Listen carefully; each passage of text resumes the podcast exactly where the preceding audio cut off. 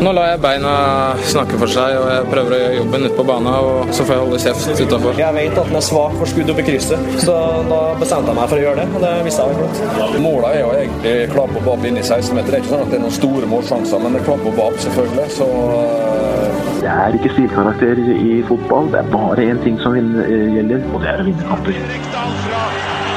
Han skårer! Norge leder 2-1! Norge leder! Viva la Norvège! Og der er vi tilbake etter en kjempelang sommerferie og EM-pause og alt mulig. Hvordan står det til, Jørgen Kjernes? Jo, veldig bra. Høsten er her så smått, men bortsett fra det så kan vi vel ikke klage. Hva har du gjort i sommer? Nå jobber jo jeg som lærer, så jeg har jo faktisk sommerferie ennå, jeg, da. Vært, Tenk deg det, ja. vært litt på Vestlandet, på Bømlo. Hvor Har du vært på Bømlo? samboeren min er fra. Så jeg har jo vært på Tysnes, det ja, er jo naboøya. så er nesten rett ved. Og da Hadde jeg visst jeg skulle tatt båten over! padla, padla over og sagt hei. Så har det blitt en uke i Danmark med Legoland og litt fotball og diverse der. Ja, herlig. Og et uh, middelmådig EM-sluttspill, kan vi ja, si det? det er kanskje? vel ikke noe sluttspill sånn uh, Hadde jeg vært tolv år, så tror jeg ikke det har vært noe sånn Sånn som jeg var jo tolv år da VM i 98 gikk. Ja. Det var jo dødskult. Det er sånn man husker. Og Litt liksom- fordi Norge var med, kanskje? Litt fordi. Norge var, men det var jo et bra Samme 2006, for eksempel. Kanonmesterskap, ikke Ja. sant. 2016 det går vel inn som et sånn terningkast to, kanskje terningkast tre-mesterskap i historiebøkene. Det var jo så veldig mye defensiv fotball. Altså Alle organiserte seg, og det var så, det var så få sånn X-faktor-spillere. Og der er du òg. Jeg må si navnet ditt. Håvard Lilleheie, velkommen. Takk, takk, takk. takk. Men det var jo sånn som Altså Sånn som uh, Payet begynte så bra, og så liksom ut som åh, dette er fyren, han skal eie mesterskapet. Ja. Men så sovna han. Jeg klarte ikke å holde det høye nivået gjennom hele. Og så, og så blei det Men det blei jo på en eller annen måte Ronaldos mesterskap. På en eller annen rar måte. Det så ut som det ble underdogens mesterskap, liksom Island og Wales og Ja. hele den gjengen her, men så, så ender det opp i stedet med at det er jo faktisk han uh, superstjerna over alle superstjerner som står igjen som vinneren, da. Selv om Men finalen på ikke en ble så stor. måte ingen kunne Altså, Ja. sånn som det skjedde. Ja. Med den skaden, lidelsen, gråten, og så ut. Og så tar han over laget. Ja. Det er han som Ja. leder laget. Men litt sånn deilig for kanskje Portugal-lag også, som har fått uh, kanskje litt uh, skrevet mye om at dette laget er bare Ronaldo. Uh, og skal vi ikke glemme PP, og, og det er en rekke andre spillere der. Men, men så går det gjør det aleine. Riktignok med Ronaldo som trener på sida. Ja, og med utskjelte eder som, Ja. som avgjør. Nydelig. Men nå må vi Det har skjedd vanvittig mye. Vi har sjukt mye å prate om. Det har skjedd mye i Fotball-Norge. Det har skjedd nesten for mye i for fotball-Norge. Eh, Så vi får prøve å gå gjennom de viktige sakene etter hvert. Jeg ser uh, Hønefoss nå hadde åtte kamper på rad uten tap uh, før de gikk på en seier mot Gjøvik-Lyn. Ja, tapt, tapt på Gjøvik i helga, var ganske dårlig. Uh, Men fram til det så har faktisk sommeren vært positiv. Nå ser det ut som de har skjønt sånn cirka hvilke elleve som skal sparke fotball, og hvilke som skal sitte på benk eller være hjemme i Hønefoss. Og da, det er jo et godt steg på veien. Hvilke enkeltspillere er det som er eh, de to-tre aller beste som, som skinner mest på Hønefoss nå?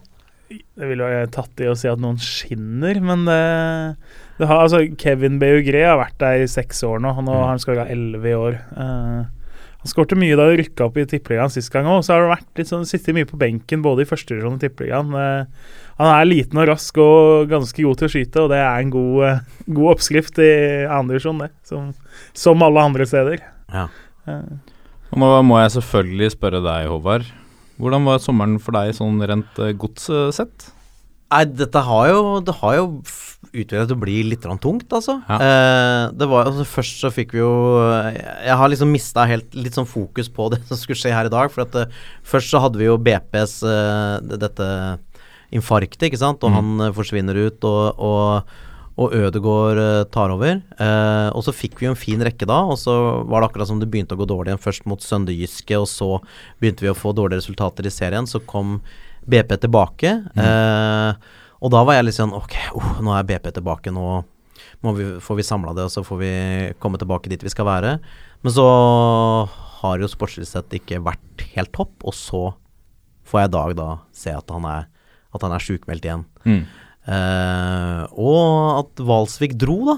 Ja. Uh, og jeg er sånn Jeg er litt skeptisk til det salget. Mm. Uh, fordi Valsvik har kanskje sett litt sånn Litt leiere ut i år enn han var I fjor var han jo Høsten i fjor så var han jo sånn kanskje en, Ja, var han en av de aller beste forsvarsspillerne i Norge. Eh, men vi har jo sett nå etter han har reist, at uh, den liksom defensive tryggheten er litt borte. Og det har Altså, man kan jo aldri vite hva som koster poeng, og hvor mye det faktisk mer vi hadde hatt med han, men jeg syns det har liksom vært litt sånn ja, vi har, vi har kvitta oss med veldig mange spillere fra, fra, fra etter uh, sølvsesongen i fjor til nå. Uh, og nå er jeg litt, jeg litt bekymra nå. Og på toppen av det hele så gikk jo Vi snakket om dette da vi eh, begynte å diskutere. Her var det tredje episode eh, hvor vi lista opp en liste over kandidater som kunne ta over etter Rekdal når Vålerenga sleit. Ja. Og Deila sto på lista, og det lanserte en viss uh, Lilleheie som totalt usannsynlig. Ja, og det jeg, jeg Det syns jeg var Jeg syns det var skuffende. Ja. Uh, og Har han ikke sagt at det, han, hvis han kommer tilbake til norsk fotball, så er det til godset? Jo, altså han sa vel Han har vel sagt at han sa det etter at han dro fra SIF, at da måtte han dra ut. Uh, men det er vel noen som har kanskje tolka det mer dit enn at liksom i Norge er SIF-klubben min. Men det er klart, han har jo spilt flere steder og, og vært flere steder, men det var liksom eh, Det var et eller annet med at han tok Vålerenga som eh, var, var emosjonelt sett eh, vanskelig for meg. Altså, du hadde, jo- jeg hadde jo litt sånn sett for meg at eh, han tar en klubb i Sverige, Danmark mm. eh, er kanskje litt i Deilas ånd òg, ikke sant? Fordi at det er en klubb som sliter, og eh, han, han ser muligheten til å, å bygge noe nytt der. Men jeg syns han, han var jo hos lenge. Mm. og, og han hadde jo en veldig, fikk jo veldig tålmodighet. Altså Klubben var veldig tålmodig med Deila uh, i SIF, og så eh, fordi de så at han er en spesiell fyr.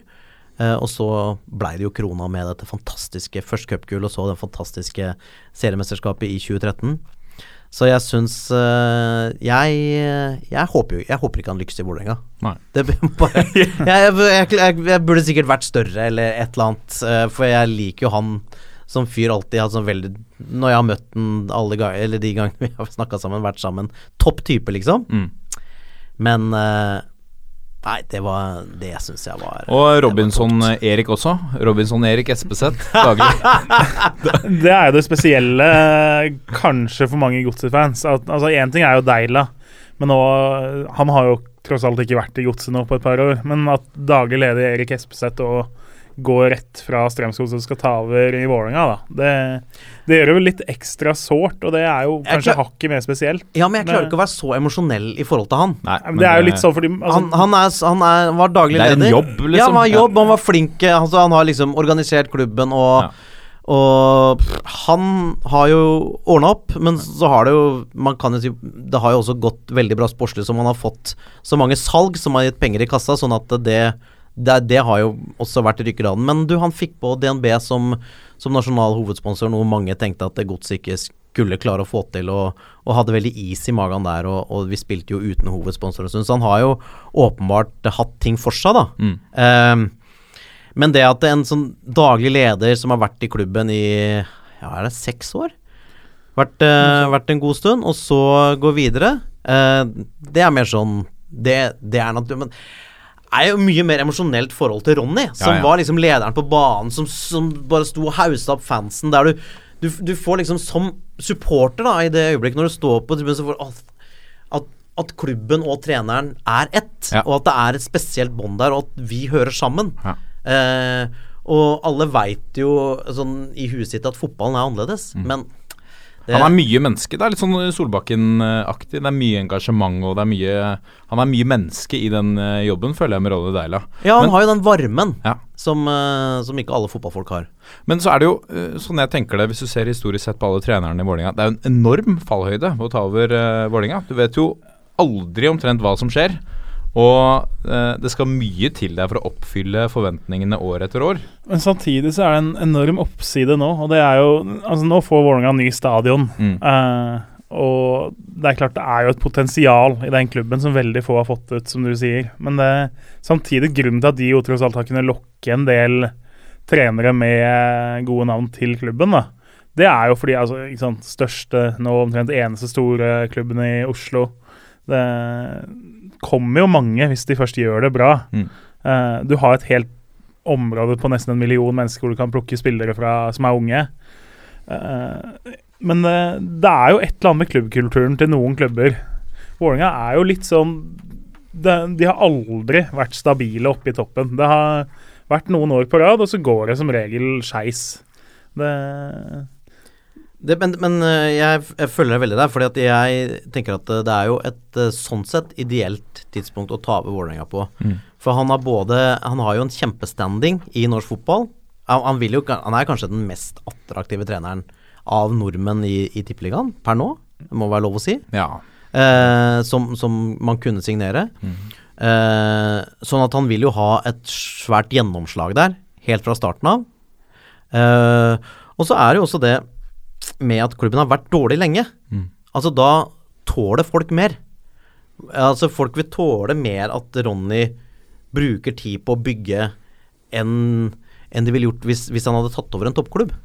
Vi, vi skal jo snakke mer om Vålerenga etterpå, når vi ser mot helgens uh, tippeligarunde. Men eh, hvis vi går litt uh, nedover i uh, norsk fotball eh, På utsida av divisjonssystemet. Det spilles fotball der også, Håvard Lilleheie. Du er en aktiv idrettsutøver, du. Jeg, jeg spiller både her og der, og denne sommeren så var jeg først med, med laget mitt, det Sivert FC, eh, og spilte Tysnes Barb. Bar... eh, Gjenta lagnavnet, takk. Sivert Sjåland FC. Sivert Sjåland. Ja, Sivert Sjåland er jo da en sånn del av Haaland gård, som mora mi vokste opp på. Ja. Sånn liten del. Eh, der, der fetteren min har, eh, og onkelen og tanta mi, de har hus og sånn der, da. Ja. Sånn sommersted.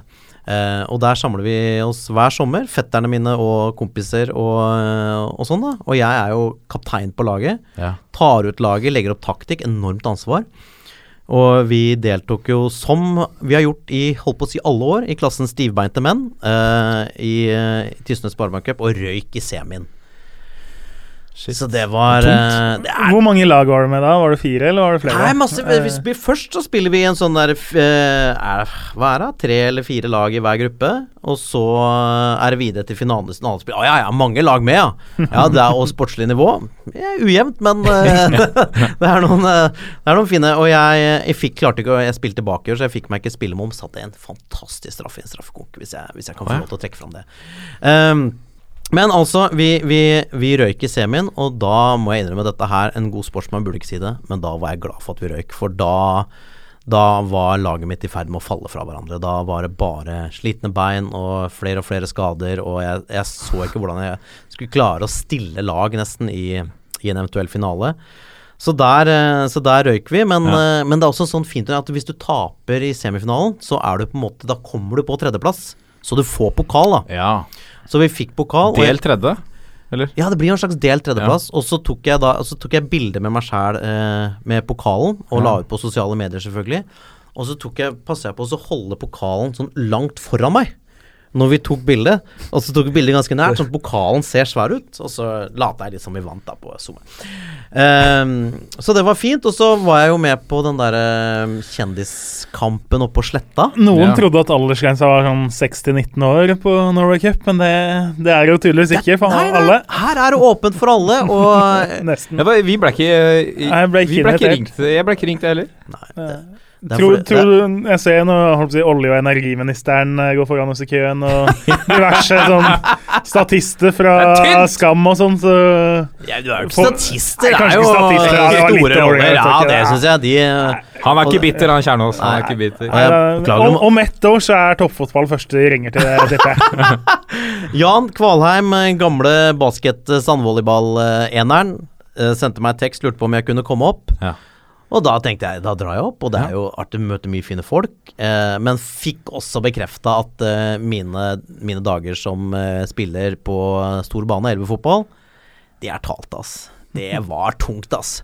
Og Jan Gunnar Solli spilte bak eh, for det andre laget. Ja. Å, herregud. Spilte var DJ, eller spilte Han spilte, ja, og han var altså han fremdeles så god! Ja. Jævla god! Og med det der rykket, den kraften, det er bare sånn du skjønner at det det er ikke i nærheten.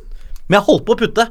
Holdt på å putte. Oh, ja. Gikk på et langt løp. Eh, og så var det han eh, han ene hockeyspilleren, ikke Sukka, men han andre, han som har vært så mye på benken for Glenn Rensen.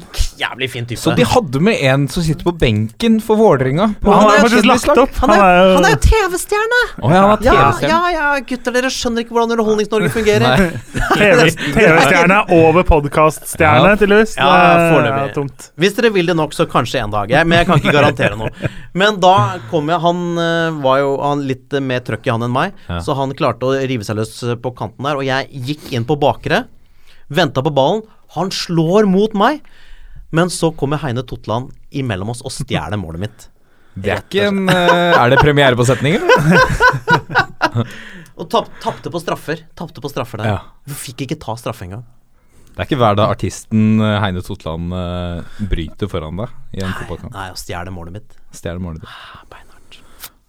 Ja, er det noe Er det noe noen andre store nyheter fra, fra sommeren? Nei, det er vel ikke det men Vi kan eh, rulle videre til eh, de viktigste nyhetene som er, kommer i pulsen. Mm. Ja.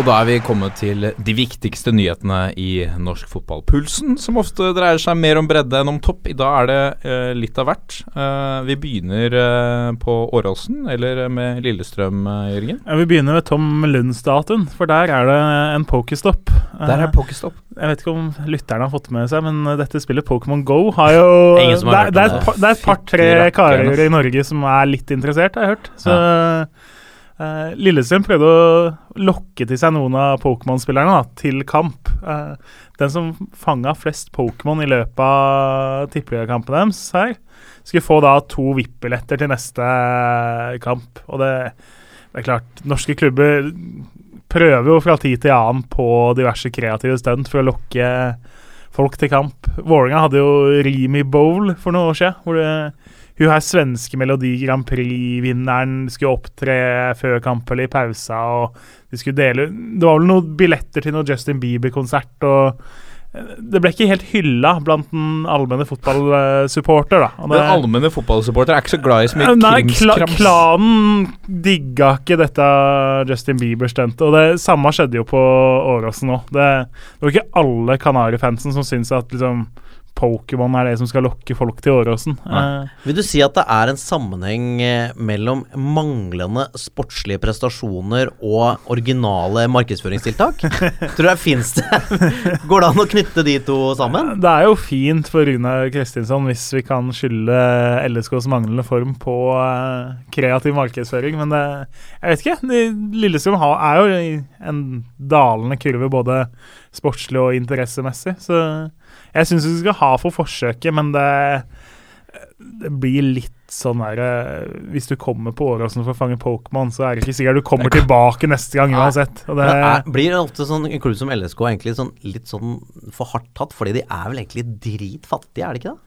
Jeg tenker at de har ingen penger, jeg. Ja, det er eh, Men nå solgte jo Friday, da. Ja. Så kan det hende Jeg har jo sett på eBay og finn.no og sånn, hvis du har kontoer med bra Pokémon og sånn, så kan okay. jo faktisk selge disse kontoene. Så kan, kanskje, kanskje, kanskje det er der Lillestrøm har håpet sitt. At hvis det er noen bra Pokémon på Åråsen, så kan de drive og fange de, og så kan de selge kontoene på finn.no. Og finansiere en ny Friday. Ja, for eksempel. Ja. Det- Finansiert av Pokémon. Nye Fred Friday.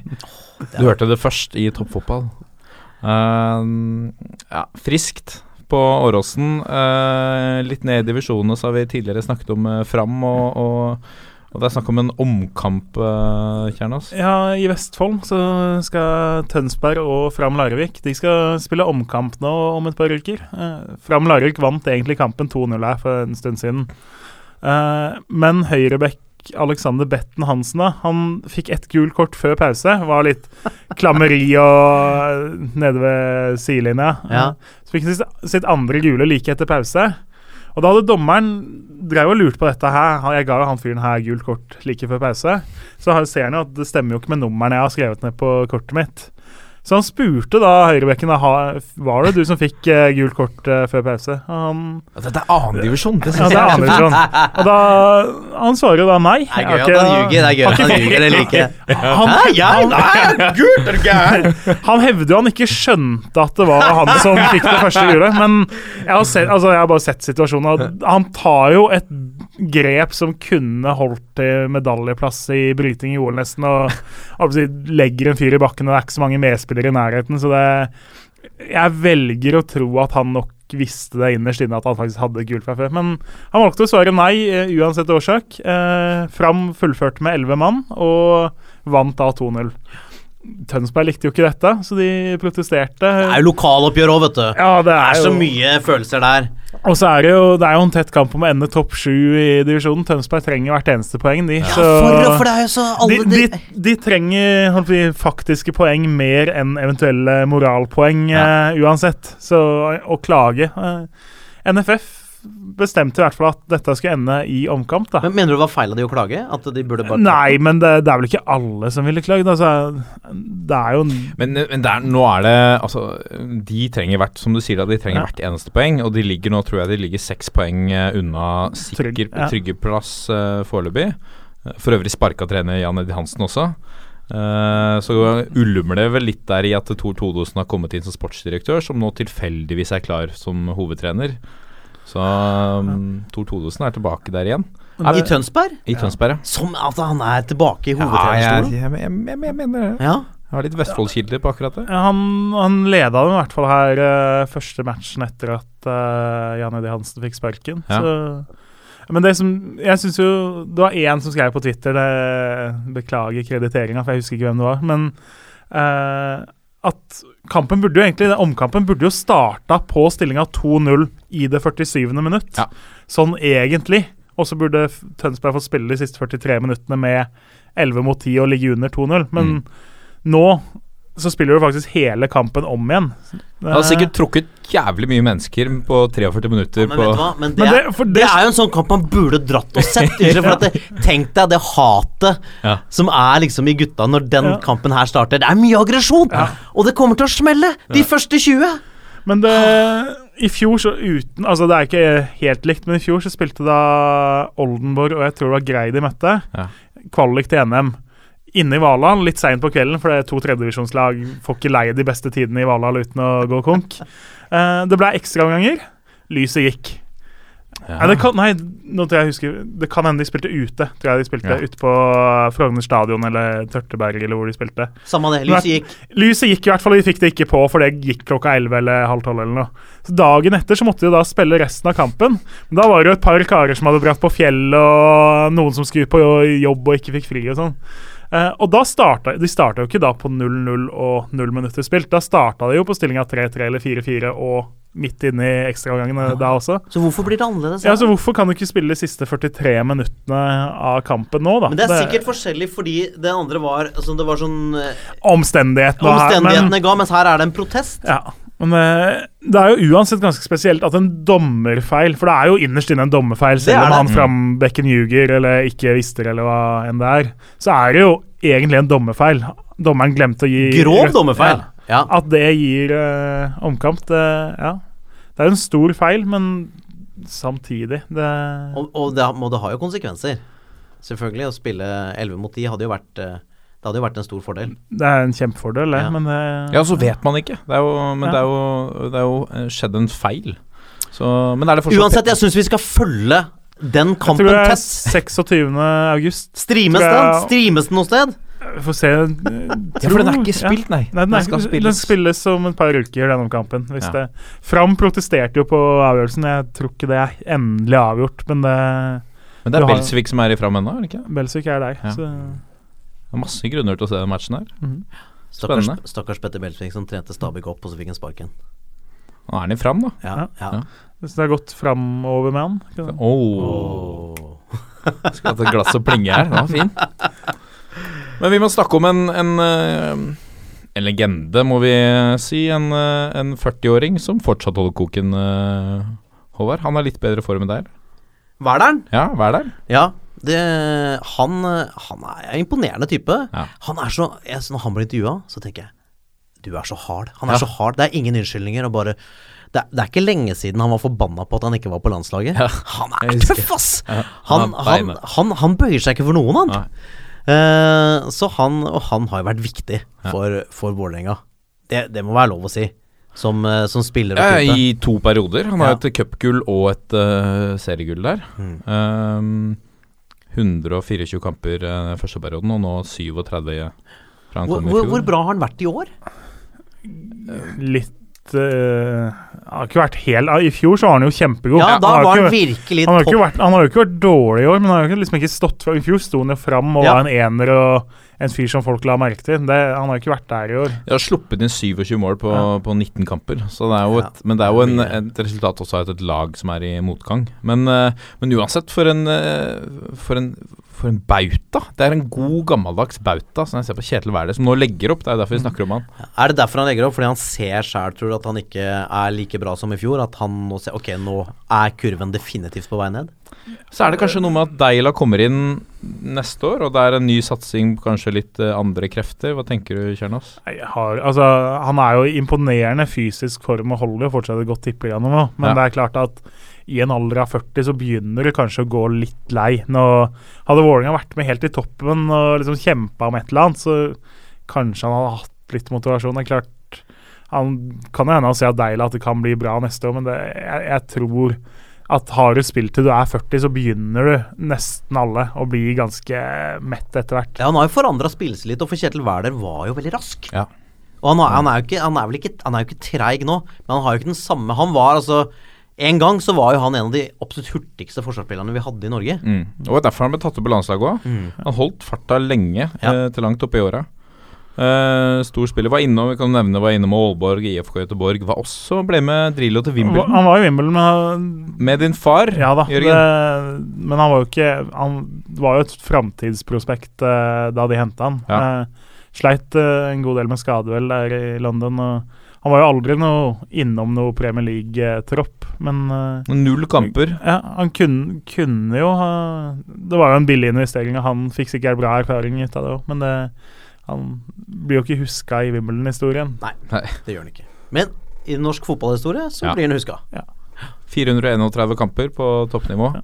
Mye, Det ass. Ryddig, det. Ja. Åtte bak Roarstrand. Riktignok fordelt på en haug andre klubber, da. Ja, Men, og eh, selvfølgelig uten den sportslige suksessen. Roarstrand er jo en en større, En, en, eh, større legende. ja. Ja, hvis vi skal Det må være lov å si. Det må være lov å Altså si. Roar Strand, den track recorden er jo helt Jeg fantastisk. mener den er best i Europa, ja. 16 uh, ligamesterskap. Men han altså Men det tenk på antall Champions League-kamper. Mm. Og til og med Champions League-skåringer antall er bra Ja. på Roar Strand. Det Altså, det eh, er, eh, det er høyt, høyt nivå. Helt vanvittig. Mm. Men vi må, eh, vi må videre til eh, Østfold. Vi har snakka litt om eh, Fredrikstad tidligere. Det gamle storlaget nå som har slitt. Og nå er Jan Halvor Halvorsen ikke lenger trener. Nå er han endelig sparka, tror jeg vel er holdt på å si, tonen i eh, Fredrikstad. Ja, for du tida. tror det? Jeg, jeg tror svært få savner eh, Jan Halvor Halvorsen. Ja, for Det det er virker som Det er, det er overraskende, der, for at han gjorde jo så Altså Han gjorde det jo veldig bra i Glimt, må være lov å si. Gode resultater. Og så kommer han til FFK, og så virker det Altså, folk jeg har snakka med, det virker som om eh, at han mista spillergruppa veldig fort. Og at hans måte å lede på ikke- Det er, det er rart, det. Hvordan en fyr kan være i en klubb et sted i Norge. Og, og de, ja, de, de var sikkert Jeg antar de var sikkert litt skuffa når han dro, fordi han hadde gjort det bra. Og så, uten at jeg vet det, men så kommer han da, blir henta, store forventninger. Og så klarer han rett og slett ikke å få Fredrikstad har jo I fjor så berga de jo plassen så vidt på overtid. Det Ja. kunne jo blitt et episk øyeblikk da de sto og skjerma eh, Skjerma ballen ved cornerflagget og trodde de var safe, men egentlig ble redda av den jervskåringa eh, mot Follo på overtid. Men i fjor også var det jo samme greia. Fredrikstad henta masse spillere med gode CV-er. Mm. Ble tippa i toppen og gjorde det elendig. Måtte hente inn Arne Erlandsen og berga akkurat plassen. I år også henta jo Jan Halvor hentet jo inn åtte-ni mann. Ja. De har henta Per Magne Gutten står helt stille. Nei, keeper fra Haugesund. Per Magne Per Morten Kristiansen. Per Morten Kristiansen. Ja. Magne Simonsen på høyrebekk. Christian Brix har de henta Ja. inn. Martin Tømt Jensen. De Ja. henta Kapicic, eh, som har vært uh, Patrick Karoliussen. ja, Patrick. De henta både Kalan og Ndiaye på kantene. Altså, Ja. De henta en åtte-ni mann som enten kommer fra Tippeligaen eller har vist at de har vært gode i Tippeligaen i I første divisjon. Ja. Så liksom Fredrikstad var jo spådd i toppen igjen, sammen med Sandnes Ulf, som gjorde litt det samme. Mm. Sammen med eh, Sandefjord. Eh, men så har de De ligger nå altså fire poeng vel unna sikker plass. Eh, Men, men kanskje det var et øh, øh, Kanskje han passer, bare passer som trener i Nord-Norge? Kanskje han var blitt litt for hestkuk? Det er vel kanskje ikke et øh, Ja, men- Bodø-uttrykk, men, Men også kanskje, altså kanskje forventningene er for høye Ja. eh, i forhold til hva Altså, klubben har jo slitt sportslig i årevis. Altså, jeg syns helt siden de var gode så lenge de spilte på den gamle stadion, liksom. Eh, og, så, og så er det jo så mye som har gått gærent. Og for norsk fotballsdel må være lov å si, selv om man er supporter av en annen klubb, litt trist, for det er jo i en by der de elsker fotballen sin, og der når det er gode tider, så møter jo folk opp en masse. Så øh, jeg har sjøl vært på, på fotballkamp i FFK. Vi holdt på med det der, øh, ja, noe sånn TV 2-greier for mange år siden. Men da, da når det gikk bra, og du bare merka her er det stemning. ja. Det er en enorm fotballby, men det Ja, fortsatt så er det jo Altså, de har jo et kjempepotensial. Jeg tror Har de ikke- feil folk som styrer? Altså, det, det er så overraskende når klubber med det potensialet ikke klarer å være i nærheten av å leve opp til det de burde være. I år i hvert fall så har de jo de hatt en stor spillestall. da De henta som sagt åtte-ni mann, og så gikk det ikke like mange ut. Eh, så de har jo f.eks. Altså folk som Steffen Nystrøm og Roger Risholt. Eh, som begge har vært ute nå i lokalavis og vært misfornøyd. For det, de har jo ikke knapt vært i troppen noen som helst ganger. Mm. Tror Nystrøm har ja, Om han har spilt, er jeg ikke sikker på. Det er ikke mange minuttene. Risholt har har- jo vært i SIF. Ja, Risholt har et par minutter, liksom. Så samme Karlan som de henta, omtrent bare sitter på benk. Og, det er liksom stort sett 11-12-13 spillere som har spilt, da, selv om de har gjort det skikkelig dårlig. Og du har gode, erfarne spillere som nummer 18-19-20 i troppen. Eh, og da lager du jo dårlig stemning. Mm. Bruker du samme lag og, og laget vinner og gjør det Ja. bra, så er det jo ingen som kan ta deg på det. Eh, taper du og taper du og taper du og har spillere som bør være like gode på benken, og de ikke får prøve seg, så virker det jo dumt når det ikke lykkes. Og det, du skaper en misnøye som jeg tror, jeg tror ganske mange spillere i Fredrikstad har vært misfornøyd. Både de som har spilt, og i hvert fall de som ikke har spilt. Og så dro de Mjelde opp av hatten. Ja. Og i dag hadde Mjelde sin første trening. Det var 100 tilskuere på, på tribunen, så jeg, til første trening. Ja, det, da er det trøkk. Og det er jo Optimisme. Men det, det viser hvor fort eh, fotballen snur, altså. På en eller annen måte Altså, Mjelde Jeg føler når Mjelde måtte gå, eller gikk i start, Ja. så var det mange som tenkte ah, er det litt sånn over for han fyren, er det? Men så ser man jo Start i år, så ser man jo eh, Kanskje det ikke var hans feil. Det er, bare, det er bare for dårlig materiell her. Ja, for nå er de ferdige. Men nå, Ja. Fredrikstad har jo egentlig Det er tidlig å kalle det skjebnekamp, men de møter Ullkisa hjemme nå til helga. Ullkisa ligger da på plassen foran, også på nedrykksplass. Men skulle Fredrikstad tape eller spille uavgjort der, da, og så er det Hødd og KFM som er rett over streken, som eh, I hvert fall så er de nå fem, seks, sju poeng unna sikker plass hvis de ikke vinner til helga. Så er det jo en ny trener med en ganske han, han, Mjelde har jo en annen spillestil på lagene sine enn det Jan-Olvor Halvorsen har, så det blir spennende å se hva gjør Mjelde til første kamp? Altså, Er det 4-4-2 plutselig? Altså, hva, hva gjør han? Vi må, øh, Hvis vi holder oss i bunnen av Obos, Bryne. Et, øh, et kjent navn i norsk fotball. Nå Bryggen, er de på bunn. Ja, nå Bryne rykker ned. Det, nå er det ni poeng opp til sykkelplass, tror jeg. Det, de har tatt ett poeng de åtte siste kampene. Eh, De hent, liksom henta en Marius Helle nå, som jo er eh, på siste verset. Det, eh, Bryne har gjort det litt og litt dårligere nesten hvert år. Litt og litt tynnere stall, litt og litt lavere budsjett.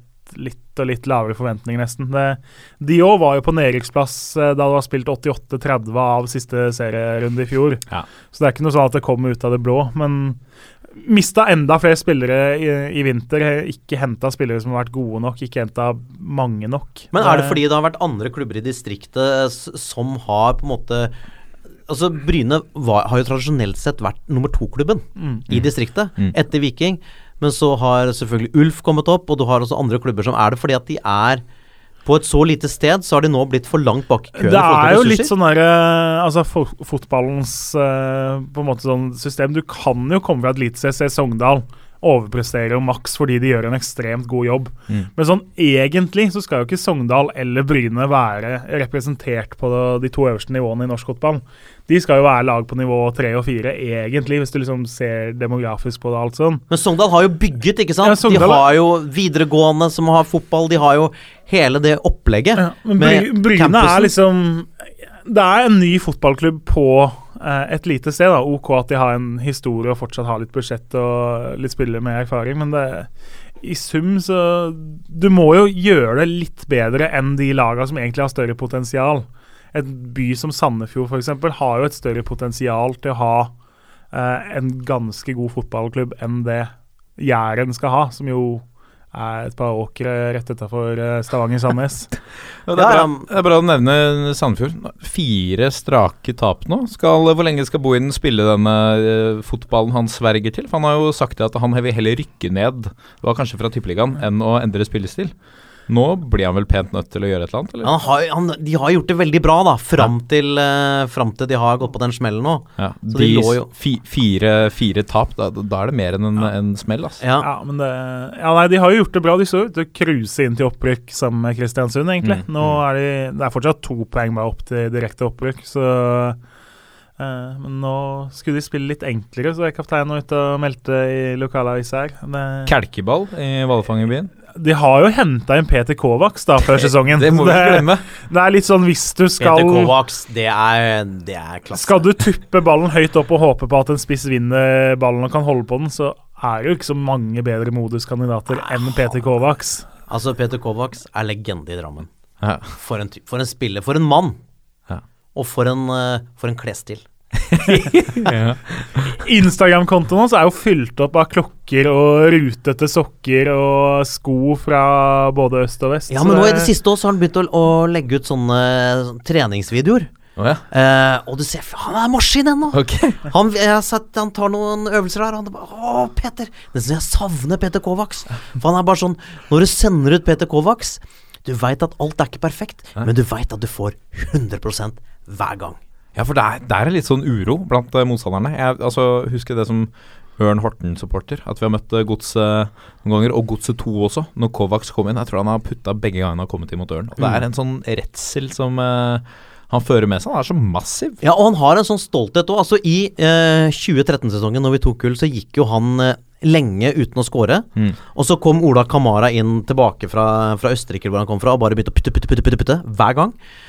Og da var altså Dette sier en del om Kovac. Han var helt desperat. Etter å Hva gjør jeg feil?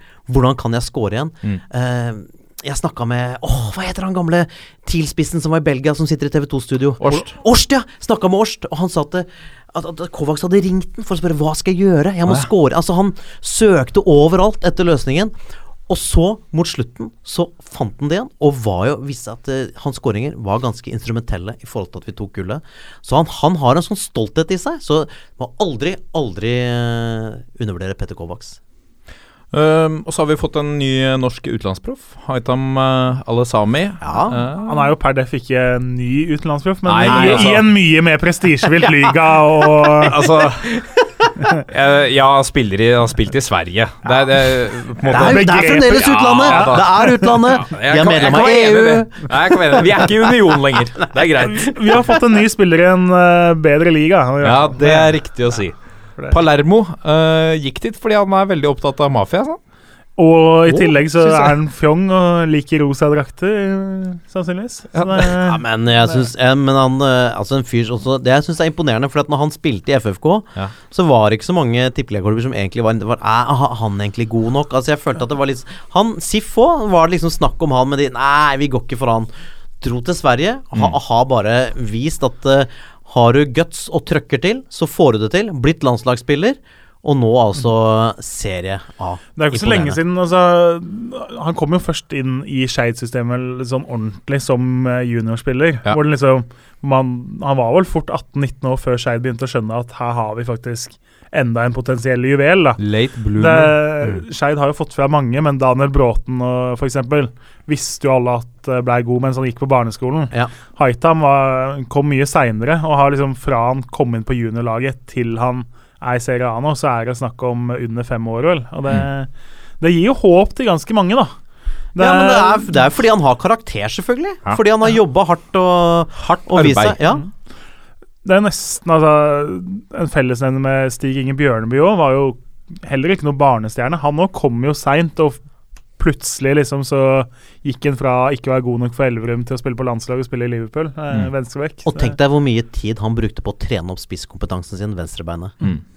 Helt uh, overlegent. Arbeids, arbeidsspiller, altså. Absolutt. Uh, vi skal, uh, som vi alltid liker, å gå litt, uh, enda litt lenger nedover i divisjonene, til fjerdedivisjon avdeling 2, Indre Østland. Der er et, et lag som jeg kom over i, i dag, med det fantastiske navnet Munkenes ballklubb Domkirka-Odden. De topper nå avdelinga si, men i sommer så har de måttet selge Sigurd Ertsås til Brumunddalen. Eh, Brumunddal er i andredivisjon. Er ikke familie med Rune Ertsås, vel? Det tviler jeg på. Og Sigurd Ja, Skal vi ringe neste uke og høre? Ja, kan, høre. Ja. Jeg har ikke full oversikt over familietreet, så det kan jo være en fetter, eller, men det er ikke, det er ikke nærme For Rune Ertsås han ryktes tilbake til barndomsklubben Steinkjer nå, så det er Nei, flere. Han er Ertsås-spillere som er Han er vel til og med Steinkjer. er han klar nå? Ja, han Ja. Ertsås er Steinkjer. Det som, det som er nyheten her, i hvert fall, er, eh, er jo at eh, når det, ryktene begynte å svirre, og da gikk daglig leder i eh, Munkenes ballklubb Domkirkeodden ut Jeg er usikker på om han jobber 100 men, men han rykket i hvert fall ut i avisene og sa at ja, det, han kommer ikke til å gå gratis. Det elsker jeg! han skulle vi ha fire kasser pils for. Og det skulle ikke, og så sa han vel også at det, det skulle ikke være noe sånn billig skvip. Det skulle være ordentlig Ordentlig kvalitetsøl. øl, Mikrobryggeri. Ja. 96 flasker med, med øl skulle de ha for han. Ja. Og, det, og det Jeg vet ikke om de har fått det. De har i hvert fall eh, Kanskje Brumunddal har stjålet Sigurd Ertsås, da, hvis de ikke har betalt. Ertsås hadde jo amatørkontrakt, uh, dessverre, for uh, Domkirkeodden. Ja. Og da kan det vel gå til uh, en profesjonell kontrakt uten overgangssum. Eh, det hører jo med i historien at Domkirkeorden er jo et lag som har rykka opp vel to ganger på rad nå. Ja. Eh, det er masse spillere som har spilt annendivisjon, spilt tredjedivisjon, gamle HamKam juniorer, gamle Brumunddal-spillere. Så det da de sti ble stifta for et par år siden, så var det masse av disse lokalklubba rundt Hamar og Brumunddal som var misfornøyd med dette. da. For det, det er jo en gjeng som har vært gode i fotballen, og som nå har bestemt seg for at nå satser vi ikke i det hele tatt, nå er det familie og jobb og mm. sånne ting. Mm. Eh, så mente jo noen andre da at de her burde jo spille for liksom de lokale småklubba i uh, distriktet, da, Mm. å lage sin egen kompisklubb og være flinke og gode sammen. Så bør de heller gå til den og den lille klubben. Og Da tenker jeg at da må kanskje de andre små klubbene drive bedre, da, sånn at Ja. gutta får lyst til å spille for dem. Ja. Og ikke gå rundt og sutre på den måten. Ja, enig. Men det er vel meg, da. Ja, det er deg. Dette visste du selvfølgelig fra før. Dette er ikke ny kunnskap for deg, Håvard. Uh... Jørgen har ringt meg, vi har diskutert, snakka gjennom disse tingene fram og tilbake. Fant du ut om Rune Ertsås allerede er i Steinkjer? Nei, jeg sjekker, men denne Sigurd Ertsjås han har jo faktisk ikke bare blitt henta til Brumunddal. Han, eh, De møtte jo Rosenborg 2 her eh, i hans andre kamp, vel. Ja. Da sto han jo bak to av skåringene. Så Men det er jo en spiller som har vært ganske god. Han har spilt i Eidsvoll-turen og litt sånn uh, som yngre. Nå er han Ja. vel nesten 30, rundt 30. Ja. Så fikk han et, Han er trebarnsfar, så han fikk barn ganske tidlig. Og liksom Det Det fører jo med nå, seg- Det, det fører, fører jo med seg mye ansvar når du blir far i, tidlig i 20-åra. Så liksom, han har jo valgt bort andre som er single og lever livet, kan jo spille fotball uten å få betalt for det til de er 30. Mm. Men han har liksom måttet ut og tjene penger og måtte velge bort denne halvdrømmen om å være fotballspiller. Men nå, nå har han fått en siste sjanse og halvtårskontrakt i Brumunddal. Late bloomer, det er vakkert. Du hører med til historien om uh, Munkenes ballklubb eh, Domkirkeodden. Jeg føler jeg må si hele navnet Ja. hver gang. Ikke MBK, men uh, eh, tidligere i vår så, så var det Gjesneskameratene, en annen sikkert lokal konkurrent, som Ja. henvendte seg for å kjøpe spilleren deres Anders Bakkerud. Og da ville de ha Han fikk ikke gå gratis, han heller. Da ville de ha fire kilo Valdres, Valdres rakfisk Ja, til avslutningsfesten. Så nå, hvis de har nå fått denne fisken og denne pilsen, så tror jeg det blir Det blir et ordentlig rakfisklag på Domkirkeodden i høst. Ja, spennende. Og da må jeg si til de andre klubbene som klager i distriktet på at disse har blitt stifta og gjør det bra Altså Når jeg hører hvordan disse driver, Ja. og ting de Dette er en klubb som eh, distriktet trenger. Ja. Dette er jo gutter med humør Ja. og guts. Ja. Men det er jo ikke de første i norsk fotball som har lyst på kre si, drikkelige eller spiselige ting eh, i overgangssum. Det- Fløy betalte vel for en fyr jeg Det begynner vel Det var rundt år 2000. Ja. Betalte spillerens vekt i ferske reker. Eh, han, jeg, hus- Fløy var i hvert fall involvert. Jeg husker ikke om de kjøpte eller solgte. Eh, men det var jo da stor fyren sto i bokseren og blei veid til 78 kilo, eller hvor mye det var. Og overgangssummen blei da like mye reker. Mye er det for en kilo reker nå om dagen? da? Nei, det ferske koster litt, veit du. Ja. Ja, det er tok- godt over det, hundrelappen. det skulle ikke være noe billig frossenskip der heller. Men, det- men min favoritt var da Steigens lokale helt Titten Steinsland. Ja. Sånn fyr som har da Hvordan i, du disse tinga? i tredjediv hamra inn uh, skåringer da på bestilling for Steigen. Ja. Så var Glimt eh, trengte da en spissinnbytter. Uh, fant ut at ja, vi har en lokal uh, fyr som har skåra 30 mål fem år på rad. liksom. Så henvendte seg til Steigen, og Steigen tenkte vi kan ikke nekte fyren å få spille for Bodø-Glimt, liksom. Vi er Steigen. Ja. Men uh, måtte jo ha noe tilbake. Uh, da var det et par av lederne som hadde vært på Glimt-kamp. Og Blei dritimponert over de her Hvis du har sett de ryggsekkene som du serverer kaffe fra. Sånn hvor du kan spyle kaffe ned i kaffekoppen. Ja, og ja, 10 ja. kroner, 5 Det er kroner. bra greier, det. Så Steigen krevde vel, så vidt jeg husker, krevde en eller to av de her eh, kafferyggsekkene i overgangssum. ja. Eh, Og det ordna seg? Jeg tror det ordna seg. Ja, det det, må må vi faktisk sjekke. og Det er, det er et helt nydelig overgangsgreie. Det, det går ikke an på footballmanager, dessverre, å kreve, Nei, kreve kreve det for spillere. spillere. Det, det håper det kommer på neste versjon. For en kunnskap, eh, Kjernås. Her har vi fått en remse på tre eh, historier om overgangssummer i form av mat eller drikke. Det er helt uh, strålende. Det er sterkt, altså.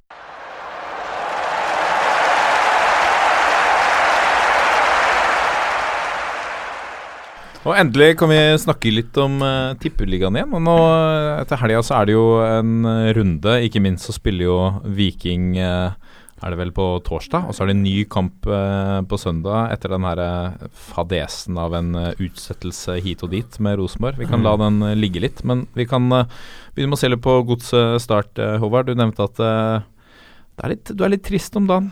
Ja, jeg syns det Altså man, man blir jo farga av Vi hadde en veldig bra sesong i fjor som endte med sølv, ikke sant. Og BP tok over etter at David Nilsen hadde gjort det dårlig, og alt gikk jo fantastisk bra. Vi var jo best i Norge etter at BP tok over. Men det er liksom Vi har jo hatt en fallende kurve de siste kampene, og og den uh, brannkampen Det har jo vært noen sånne tap også som ikke er sånn katastrofale resultatsmessig, men det er liksom prestasjonen er veldig tam, og det var også bortekampen mot Brann nå. Ja, og samme forrige mot Lillestrøm. Ja. Bortekampen. Da, det er jo eneste kampen Lillestrøm har vunnet på flere måneder. Og, Og SIF var veldig tamme. Godset ble overkjørt. Ja, av et aggressivt Lillestrøm, og også, også her mot Brann så er det Altså, de skal da ligge eh, kompakt, ikke sant, eh, og defensivt, og så kjøre overganger.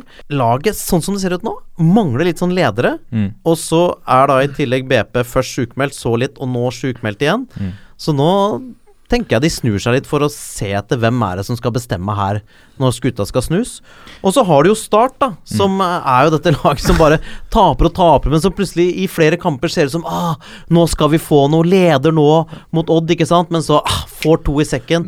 De, they never catch a break. Uh, og, og det er jo en sånn kamp som Godset må vinne. Start er jo, det er jo et sørgens kapittel fortsatt. Det har ikke endra seg mens vi har hatt ferie. Eh, men nå er det 13 måneder siden forrige seier, og som du sier, Håvard, de har jo, de har jo vært uh, nær mange ganger. Det er nesten synd synd på dem. Uh, Men så er det jo faktisk sånn, de har jo borte så har de på ni kamper De har ikke vunnet ennå. Uh, de har faktisk fire uavgjort på de ni kampene borte. De holdt jo Molde selv til 2-2 for ikke så lenge siden og var habile da. De leda mot Haugesund og tapte da.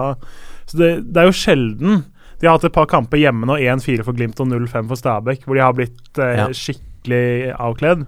Men borte så er det ikke noe sånn Det er jo ikke et sånt bunnlag som kommer, og så veit du at hjemmelaget kommer til å vinne 5-0 i dag. Nei, Sta Start er et dårlig lag, eh, men de, allikevel da, så evner de å gi nesten alle OK motstand. Så, Men de må ned for å bli bra igjen. ja, men nå bygger de jo litt for eh, De veit at det blir nedrykk. Nå har de Ja. solgt Ayer, de solgte Rasmussen til Nordsjælland. Mm. Henter inn da Dooley Johnson, som aldri fikk sjansen i Molde. De, Mm. Henter inn Jibril Bojang fra andredivisjon og Lørenskog. Det, det er liksom, de bygger jo nå for en tilværelse i førstedivisjon. Ja, for det var jo, altså De holdt jo veldig på å, å rykke ned i, i fjor også, men da var jo bare Mjøndalen enda dårligere. Eh, Og Sandefjord enda, enda dårligere. Ja, ja, Sandefjord var jo helt, altså Sandefjord var jo helt sjanseløse. Og Mjøndalen også, etter en, eh, en god start, uh, tapte jo omtrent alt der. Uh, sånn at uh, de var jo Altså, i en no normal sesong så ville de jo rykket ned da. Uh, og så klarer de ikke å styrke stallen. Og så Så det, det bør jo bare være som forventa. Men det si, litt skumle for dem er jo at Jerv er jo faktisk så gode nå og ligger helt i toppen av førstedivisjon. Ja. Rollene kan jo faktisk være snudd neste år. At Jerv er i tippeligaen er ikke helt usannsynlig. Nei. Per nå så er det jo faktisk større sjanse for at Jerv spiller i tippeligaen 2017 enn at Start gjør det. Ja. Eh, og så har du Arendal som leder uh, andredivisjonsavdelinga si i tillegg Da. Så Det er ikke behagelig, det for start. hvis, hvis Jerv ikke rykker opp nesten, Det er klart du får jo et par morsomme kamper sånn, Ja. som kommer til å trekke ekstra folk, men uh, per nå så er ikke Start eh, bedre Jeg tror Start er dårligere enn Jerv nå. De slo jo dem i kvaliken i fjor. Ja. Hadde de møttes nå, så skulle, skulle Jerv eh, vært ganske klar favoritt i det oppgjøret. I hvert fall liksom 60-40 favoritter, minst. Eh, om Start er veldig mye bedre enn Arendal, som nå er i andredivisjon heller. De er fortsatt hakket Er bedre på bedre et banen. Men eh, den, den avstanden eh, ned til Arendal, som nå topper i andredivisjon, Mm. den er ubehagelig liten for Start, med tanke på at det faktisk er enda, enda en nabo med halvstore ambisjoner. Men er det sånn at, at Jerv lønner spillerne like bra som Start, f.eks.? Nå mista jo Jerv eh, toppskåreren sin, eh, Dennis Antwitt, til start, da, Ja. akkurat. Så det sier jo litt om hvor laget er i hierarkiet mm. ennå, da. Mm. Eh, men det er klart at Jerv har gjort mye bra på eh, overgangsfronten siste året. Henta mye spillere som har heva dem. eh, og sp spiller ganske tydelig fotball nå, som Ja. Og mista jo fungerer. Steinar Pedersen, men Mista Steinar Pedersen, men har fått inn Arne Sandstø. Og så Mm. har de henta jo Tony Brochmann og Ulrik Bergland på kantene, som har vært fantastiske i år. Eh, det er en god midtbane, det er et forsvar som gjør ting ganske ukomplisert. Eh, Men er det ikke sånn at Start som, eh, som Sørlandets klubb er nå nødt til, og de må få humør inn i klubben. Mm. Eh, og så må de bygge opp De må klare å bygge opp noen egne spillere Ja. som kan være med på å dra lasset. Altså, de kan ikke bare hente folk fra andre andredivisjonsklubber andre steder. Altså, de må klare å bygge lokale profiler. Det er jo Ja. tungt, sånn som nå når de mister Rasmussen, som jo er et kjempetalent, Ja. uh, og som kan bli en veldig god spiller. Men der fikk de jo et bud som de følte de måtte si ja til. Mm. Uh, så har de, sånn som du sier, å hente Bojang fra Lørenskog. Han har vært et spennende talent, vært litt innom landslagstrøya på aldersbestemt. Men så har de f.eks. Daniel Aase på benken, som de henta fra Vindbjart i fjor. Mm. Uh, I annen divisjon så har han i flere år vært eh, en attraksjon. Altså en, en kantspiller som mangler fart, men som ellers liksom har alt egentlig for å bli en publikumsyndling. Han, han skårte jo på et uh, deilig hælspark mot Mjøndalen i fjor. Ja, Ja, ja. De spilte 1-1. Og Kent Bergersen var ikke rask, han heller. Spilte kant. Daniel Aase Ja. for eksempel er jo en artist, Mm. uh, så det er jo, og han er lokal. Sånne spillere så har de De har jo flere, og Start har jo alltid gode junioravdelinger. Det, men nå, nå for eksempel, da, så er de litt trua. Vigør har fått opp en uh, G16-landslagsspiller. Han valgte nå å gå til Stabæk, starte på NTG, Mm. Mm. eh, spille for Stabæk. Ikke sant? Det, han burde jo egentlig for eh, Start sin del så burde jo han om fire år vært på en måte en mann som spilte i midtforsvaret der, hvis ting Ja. går riktig. Men det Så et uh, tips til, sta eh, til eh, Start om å friske opp litt i junioravdelinga. Og så kanskje de, kanskje de rykker opp neste år, hvem Ja. vet? Og så tror vi jo at på tross av alt uh, BP ute med ny sjukmelding og så må vi vel regne med en H der. Godsa, det, Det- jo, selv om Godset har vært på en fallende kurve, så er det jo det er lenge siden vi har tapt hjemme. Ja, det er fjerdeplassen mot tabelljumboen, Ja. så det er en rimelig grei H. Eh, hva tror du om uh, Molde nå, som tok sin første Første seier på er det, var det fem kamper? Nå møter de eh, Ålesund i, I Ålesund. i Ålesund. Ja, I Bålesund, som det ble hevda på sankthans her. Det hadde verdens største bål. I, Herregud, det er billig, ass. Bål. Ja. nei, det, det er jo et oppgjør som betyr veldig mye for laget. Så klart, hvem er størst i ja, den lever sitt eget liv litt. Ja, det, Den har mista litt av den der store hypen som det var for ti år siden, hvor Ja. det jo kokte nesten i flere uker før kamp når de møttes. Og Ålesund har jo, har jo ikke Det vært jo- imponerende. Det er jo Nei. to lag med hver sine problemer nå. Mm. Uh, Molde har jo Nå har de jo mista Elionossi, mista Gulbrandsen, så liksom Eidur var jo dødslei etter EM, og Ja, det var nok det beste for alle parter, kanskje, at han la opp nå. For det, han har fortsatt litt fotball igjen i huet, men ikke De beina var ikke helt villige til å gjøre det huet eventuelt ikke. ville. Nei. Eh, men så har de henta en litt Altså, Brustad har kommet inn. Sarr er en klok signering. De har mangla midtbane en som man rett og slett har den ordentlige drittjobben på midtbanen, har de mangla. Mm.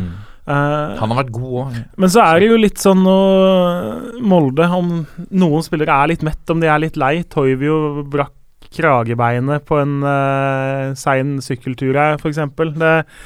Om det er litt sånn at ikke alle kanskje gir 100% i år, da. Det, det ligger litt sånn når man lurer på For de har jo et kjempelag fortsatt på papiret. Mm. Det, det er jo en grunn til at folk før sesongen tenkte at nå blir det skikkelig kamp mellom Molde og Rosenborg igjen. Mm.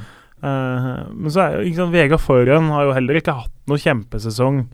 Det Harmet Singh kom tilbake, har vært bra i et par kamper, men ellers litt Men sånn er det sånn ja. at uh, Vegard Forhen føler at han egentlig er slett for større oppgaver enn eh, Molde?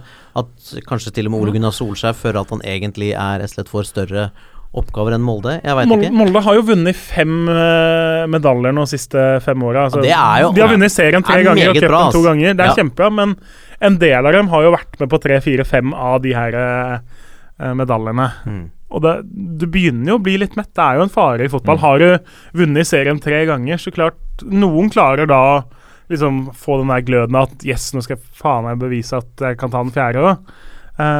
Mens du har litt den der metthetsfølelsen, og du har på en måte gjort det før. Du har vunnet tippeligaen, vært med på det. Men for, for å svare på mitt eget spørsmål, da. Ja. Jeg tror at Solskjær er helt gæren etter å snu det. Det er Ja, ja, ikke ja. noe han heller vil. Eh, men det er én mann, de mangler, vet du. Daniel Berg Hestad. Daniel Berg Hestad. Mm. Limet. Mannen som liksom kunne stå opp i garderoben og mene noe også blant spillerne, og som var som var en leder, da. Det er klart at det merkes jo, et sånt høl. Det var vel litt det som man, som man uh, Solskjær har sagt selv òg, at var litt tanken bak Eidur uh, Gudjonsen inn der òg. Få inn en veteran med litt tyngde og, og lang erfaring. Og så er det jo litt sånn eh, Det er jo litt sånn eh, ironisk at det er Solskjær som, som kommer fra Han har jo gått skolen, trenerskolen, i en klubb som nettopp hadde det som varemerke at de blir aldri mette. Og så, og så Det må være tungt for han å se det som nå virker som at eh, gutta kanskje er litt forsynt. Ja, men det er klart også at, at United også hadde jo sesonger da det gikk litt dårligere. På. Ja. Men vi har glemt det fordi de alltid var gode igjen Ja. neste sesong. Ja. Så det er jo det som blir lakmustesten. Altså om han da Neste år. hvis, hvis Solskjær da klarer å komponere et lag som neste år er oppe og truer Rosenborg igjen, så vil han jo bli genierklært. Mm. For da er han jo han som klarte å snu skuta òg. Så det er jo det alt vil handle om. Så møter de jo nå et Ålesund som jo har vunnet de to siste og kommet seg opp på eh, kvalifiseringsplass, da. Men som Mm. jo eh, Andre har jo i sommer kvitta seg med treneren Billy McKinley, ferdig Stabæk, Dempsey sa opp i Haugesund osv. Ålesund derimot, de tenkte at assistenttrener Carl Oskar Fjørtoft han må nesten gå nå. Stakkars mann. Hovedtrener Trond Fredriksen, han får bli. Eh, vi sparker assistenttreneren. Eh, Det, og det virker jo har vi sett det grepet før noen gang? ja, Brann gjorde det samme med Espen Steffensen for noen år siden. Ja. Eh, lot uh, Skarsjord øh, få bli. Ja. Men det er, det er jo litt snålt. Men det virker jo som tanken bak var jo at man kontakta jo Dempsey, Mm. og ville jo egentlig ha en Dempsey i en sånn litt uklart om han skulle være over eller under eller ved siden av Fredriksen, Mm. liksom. Eh, men de hadde nok håpa på et ja fra Dempsey, men Dempsey tenkte jo at eh, jeg har gjort det såpass bra Ja. at det kommer bedre muligheter. Han, der, liksom. Men tror du- Nei, eller men si tror du- delt, liksom. Du skjønner jo at det ikke frister. Han tok Ja. jo over Djurgården isteden, så det er så klart skjønner du det valget fra han. Men, Ja. det, Men har Fredriksen sagt at uh, at Karl Oskar Fjørtoft kanskje er for lett, eller har han vært men det virker jo ikke som han var kjempefornøyd med det, han heller. Men Nei, det. Drillo ble ymta fram på at de hadde kontakta for å komme inn i en eller annen rolle sammen med Fredriksen, og Fredriksen virka ikke så klar for det. Eller du skjønner jo det. Fredriksen mangler jo litt den der hovedtrenerpondusen, Mm. egentlig. Han er jo en fin fyr, sånn, men han mangler litt den der eh, galskapen du må ha for å være altså, en ordentlig ordentlig sånn sjefstrener. han er litt mer den der Marit, Brei, Marit Breivik-typen, føler jeg. Ja, litt sånn rolig eh, rolig, rolig stille. Litt Mm. Jeg tror ikke spillerne nødvendigvis ser på han som sjef, liksom sånn eh, som står tre hakk over det. Men det der er jo også interessant i forhold til uh, altså, trenergjerningen før og nå, og om uh, hvordan man snakker med spillerne sine før og nå, hvordan, hvor mye man involverer de i Noen mener jo at de siste du skal spørre om hvordan du skal drive fotballklubben din, er, er spillerne. Ja. Men, uh, men Det er det alle gjør. ikke det er jo litt det- den gamle skolen. Altså jeg tenker at uh, du må jo ville utvikle spilleren òg, både som mennesker og som utøvere. Og da må de jo, kanskje i hvert fall en del av de, har litt sånn medbestemmelse på, på hvordan ting skal gjøres. Mm. Vi må gå videre til uh, Vålerenga Brann, som jo er et uh, gammelt uh, Jeg vet ikke, det var Det er flere en, som savna det i fjor, kanskje. Det, Det er jo alltid en klassiker, nesten uansett hvilket land du er i. Når uh, beste laget i største byen møter beste laget i nest største byen, så Ja. vil jo alltid det bli en kamp med litt spesiell eh, ramme rundt. da. Ja, og nå er det jo Vålinga er jo litt på vei til, eh, tilbake igjen. Nå har de jo ikke Altså Forrige gang de tapte, det var jo eh, i Bergen den 9. juli.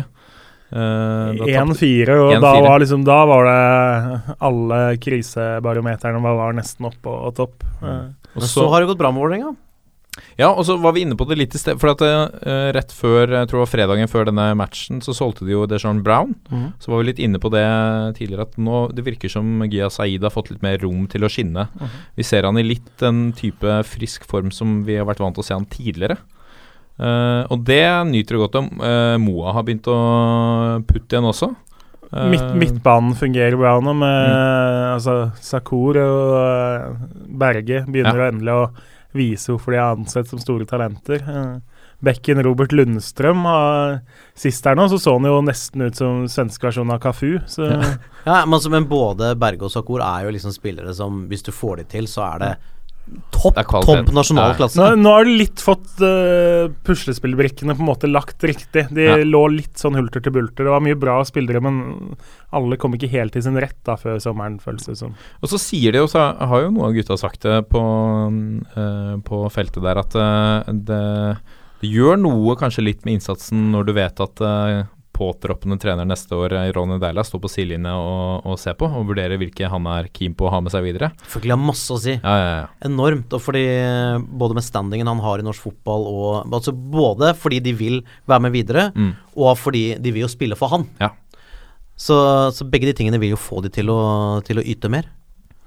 Um, Brann på sin side, uh, tre seire på de fire siste kampene. Og Ja, de har jo, de har, jo- og den, ikke bare tre seire, de har jo slått uh, Strømsgods hjemme nå etter at de slo Odd i Skien, som jo er de to lagene de kjemper om sølv og bronse med, først og fremst. ja, to De har jo for alvorlig talt med å spille Ja, det seg ordentlig inn i medaljekampen. Ja, det snakkes om gull i Bergen, og det, det Nå kan vi ta gull, hørte jeg et eller annet. Uh, Ja, er, det er ikke så verst mannskap de har. Nei, men Det er mye, altså. Det er, de har bra spillere. Det er syv er poeng opp sånn- til Rosenborg. Ja, det, det- tror jeg blir ja. tungt. Altså, Lars Arne Nilsen har jo gjort en kjempejobb der nå. Det er- Pragmatisk, god trener. Ja, og nå Fredrik Haugen, Kristoffer Barmen Det har jo alltid vært ganske gode gans, eh, lokale spillere. Mm. Eh, nå har, virker det som at liksom både med treningsmetodikken til Nilsen og med rollene de har fått seg i laget, så kommer de ordentlig til sin rett. Daniel Bråten har sett i Vålerenga i fjor. Det var jo ingen sesong som skygge. jeg tror knapt han husker hva han gjorde forrige Ja. sesong selv. ikke sant? Nå, I Brann så Han produserer ikke så mye målpoeng, verken han eller Vega, som stort sett er på andre kanten. Mm. Men begge er veldig skapende, veldig gode, veldig viktige for den spillestilen til Nilsen. Mm. Uh, Og fysikken også. Det, Ja. Han har vært bra i år.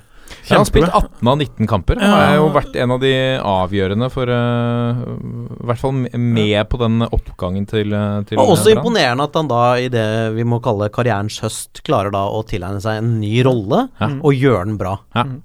Så er det jo altså, Demidov og Acosta på stoppeplass og spille sammen stort sett hver gang. Det, Mm. de gangene de ikke har kunnet spille, så har Jonas Grønne vært omtrent like god. Så det, de har en ganske tynn stall nå, for de, de har kvitta seg med en del spillere og ikke fått noen inn så langt i sommer.